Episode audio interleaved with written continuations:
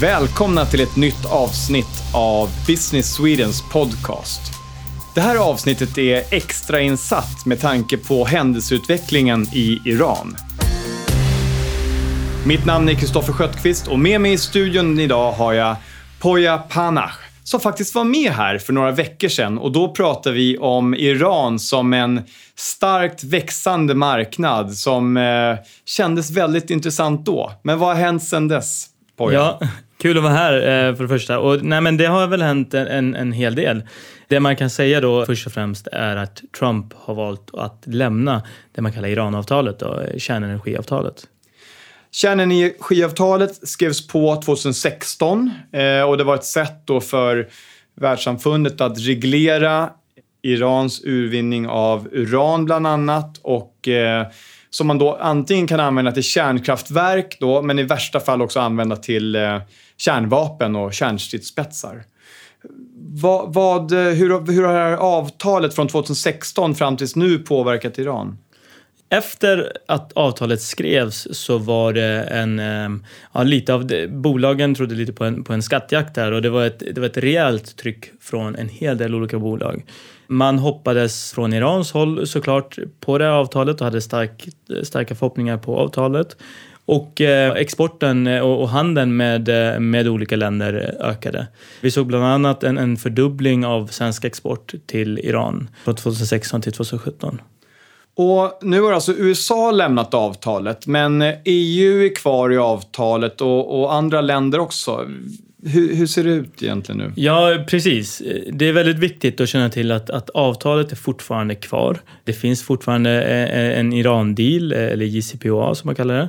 Och eh, det är då endast USA som har klivit ur avtalet. Samtliga andra medlemmar är kvar i avtalet. Men USA är också en väldigt stark spelare på den globala handelsmarknaden. Och jag vet att en av utmaningarna som, som händer här är att amerikanska bolag eller något bolag som har någon amerikansk koppling får inte göra affärer i Iran. Eh, hur, vad har skillnaden blivit efter USA går ur det här avtalet? Precis. Det vi eh, har sett då är att det var en tidigare, eh, tidigare sanktion, eh, det här avtalet då, hade att amerikanska dotterbolag fick göra affärer eh, i Iran. Så länge det inte var en amerikansk medverkan eller någon amerikan som tog ett beslut.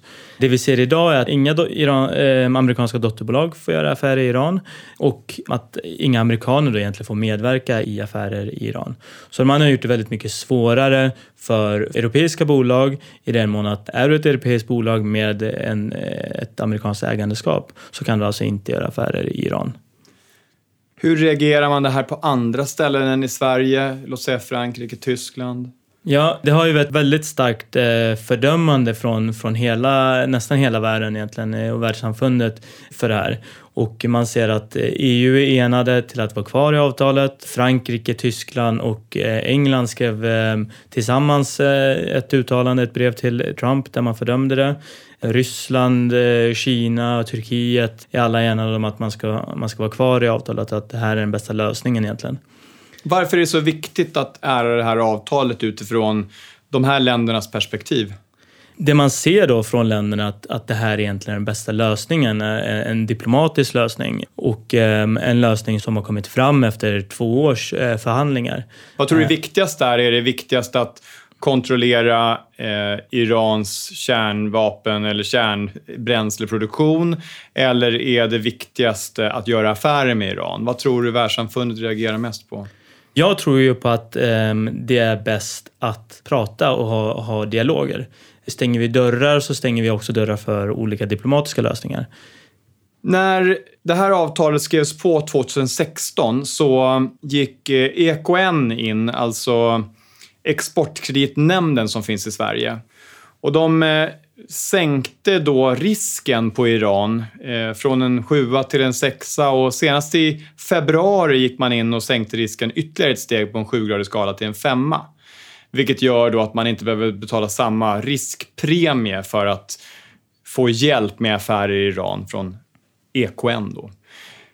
Det finns ju en risk att det här äh, går upp igen, eller, eller vad tror du?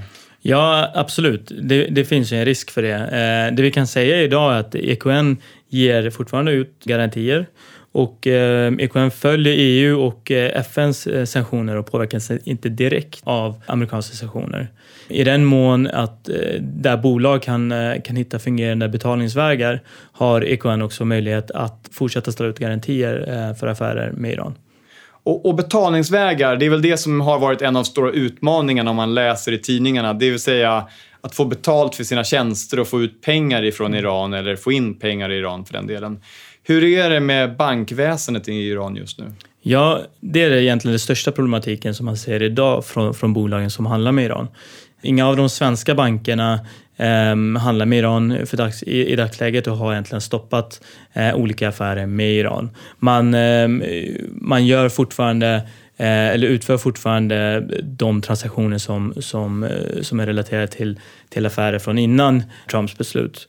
Men eh, de, man väljer att inte fortsätta med, med affärer i Iran och det har ju egentligen absolut främst att göra med exponeringen eh, mot USA och eh, där de svenska bankerna har en stark exponering mot USA. Ja, för USA har ju en stor påverkan och det är klart att om USA säger antingen gör ni affärer med Iran eller så gör ni affärer med USA så är det ju många svenska och internationella bolag som skulle välja att göra affärer med USA. Är, är det den oron som man ser idag hos eh, internationella bolag? Ja, om man har som sagt ett, ett, ett, amerikanskt ägandeskap så eh, är det väldigt svårt att göra affärer i Iran. Om man inte har det så måste man utvärdera sin, sin egen situation och eh, eh göra en ordentlig undersökning och se dels hur exponerad är man gentemot USA, hur stor del av ens verksamhet är USA och är man villig att riskera den för att göra affärer i Iran. Och um, det har vi ju sett att, att um, det är ju eh, en hel del initiativ och, och, en hel del försök från, från EUs sida att rädda den här affären och också att, att försvara europeiska bolag som gör affärer i Iran. Och eh, vi rekommenderar egentligen starkt att man gör sin eh, utvärdering och, undersökning och, och ser om man, om man faktiskt bryter mot några sanktionsregler eller inte. När vi pratade tidigare om det här, Poya, så pratade du om någonting som heter Blocking eller liknande alltså, som handlade om, som kom från Kubakrisen. Ja, precis. Vad är det? Blockningsförordningen, Blockning. eller blocking status, det kommer från Kubakrisen där EU då, det var något man införde då från EUs sida för att skydda eh, europeiska bolag emot eh, USA som har då, haft sanktioner mot, mot Kuba. Och det här är något som man, som man tittar väldigt eh, nära på att införa igen här i den här situationen. Så är det någonting man tror kommer bli tillämpligt i den här situationen? Eller? Ja, precis. Eh, det tror man från, från EUs sida, eh, att det kan tillämpas. Du flög ju in från eh, Iran igår till Stockholm för att vara med i det här programmet bland annat. Vad, hur är stämningen i Iran? Vad känner man? Vad går snacket på gatorna? Och, berätta. Ja, det är ju ganska pessimistiskt eh, kan man säga just nu och det här är ju en pessimism som har eh, kommit fram under, under en, en längre tid nu där man som sagt hade väldigt eh, höga förväntningar på det här avtalet. Iranska realen och valutan har ju sjunkit rejält den senaste tiden. Och, ehm, och den här pessimismen ökade ju under den tiden. Och sen så tätt inpå så kom det här uttalandet från, från Trump då. Så absolut, det är, man väntar egentligen och ser, men man är ganska pessimistisk.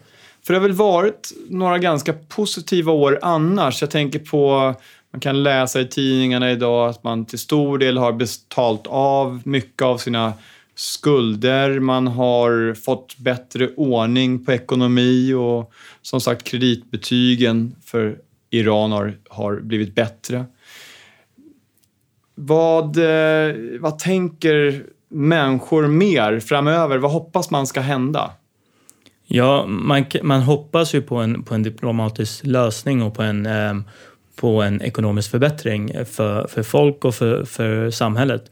Man, man hoppas att det här kan lösas på och att man, eh, man hittar olika vägar eh, till att lösa det. Och, och det, det vi ser egentligen är att Kina, Ryssland tar en, en, en större plats här under sanktionstiden så var ju Kina kanske det land som gynnades mest av, av sanktionerna och gjorde en hel del affärer med, med Iran. Och det väntas öka eh, igen eh, nu, när, nu när det är kanske lite färre andra västerländska bolag. Hur är omfattningen? Hur mycket svenska företag är det som gör affärer i Iran? Vad, hur, hur stort är det här? Ja, det är lite svårt att säga exakt, men det handlar väl ungefär om, en, om ett hundratal bolag som gör affärer i Iran. Och vi har ett tiotal, en tio, tolv ungefär, som har en fysisk närvaro i Iran. Efter förra avsnittet som vi spelade in så fick vi mycket frågor in till, eh, till oss om eh, Iran som land och, och hur det är att vara, leva där, men också om turism. Eh, och, och, om du säger nu att eh, vår krona har stärkts, eh, kan man fortfarande turista i Iran?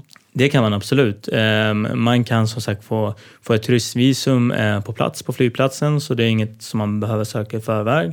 Och ehm, det finns ju som sagt väldigt mycket att se. Skidsäsongen är tyvärr över för ja, min egen exakt. del. Vi pratade om skidåkning förra gången. Ja. ja. ja det är kört nu alltså. Ja, nu är det kört. Jag, jag lyckades utnyttja den ganska bra där, men, men det är kört nu. Det berg, man ser eh, att bergen har blivit gröna nu, så, så det är inte alls, alls lika mycket snö. Lite på toppen kanske. Det kan jag säga på att det är samma sak i Sverige. Här har också de flesta vita toppar blivit gröna också. Ja.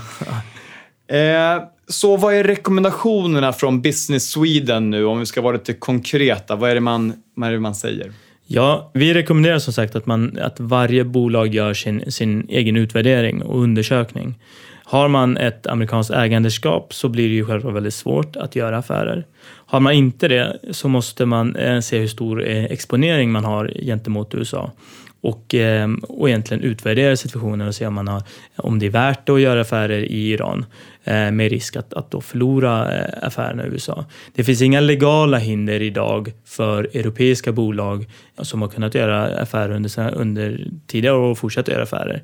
Business Sweden, eller vi här på Business Sweden kan hjälpa till och hjälpa bolag att ta fram underlag och göra den här undersökningen för varje enskilda bolag och se om, om man faktiskt kan, kan utfärda affärer. Det är väldigt, väldigt viktigt för bolag att göra det och se om man bryter man mot några eller inte. För det är mycket som, som sägs i media och, och på olika sociala medier bland annat. Men, men det, det är inte glasklart om, om man kan göra affärer eller inte så det får man eh, göra en ordentlig undersökning, en due diligence på. Poya Panach från Business Sweden, tack så hemskt mycket för att du kom tillbaka till studion och uppdaterade oss på läget i Iran. Och jag önskar dig en eh, bra resa tillbaka till Iran. Tack så mycket och kul att vara här igen.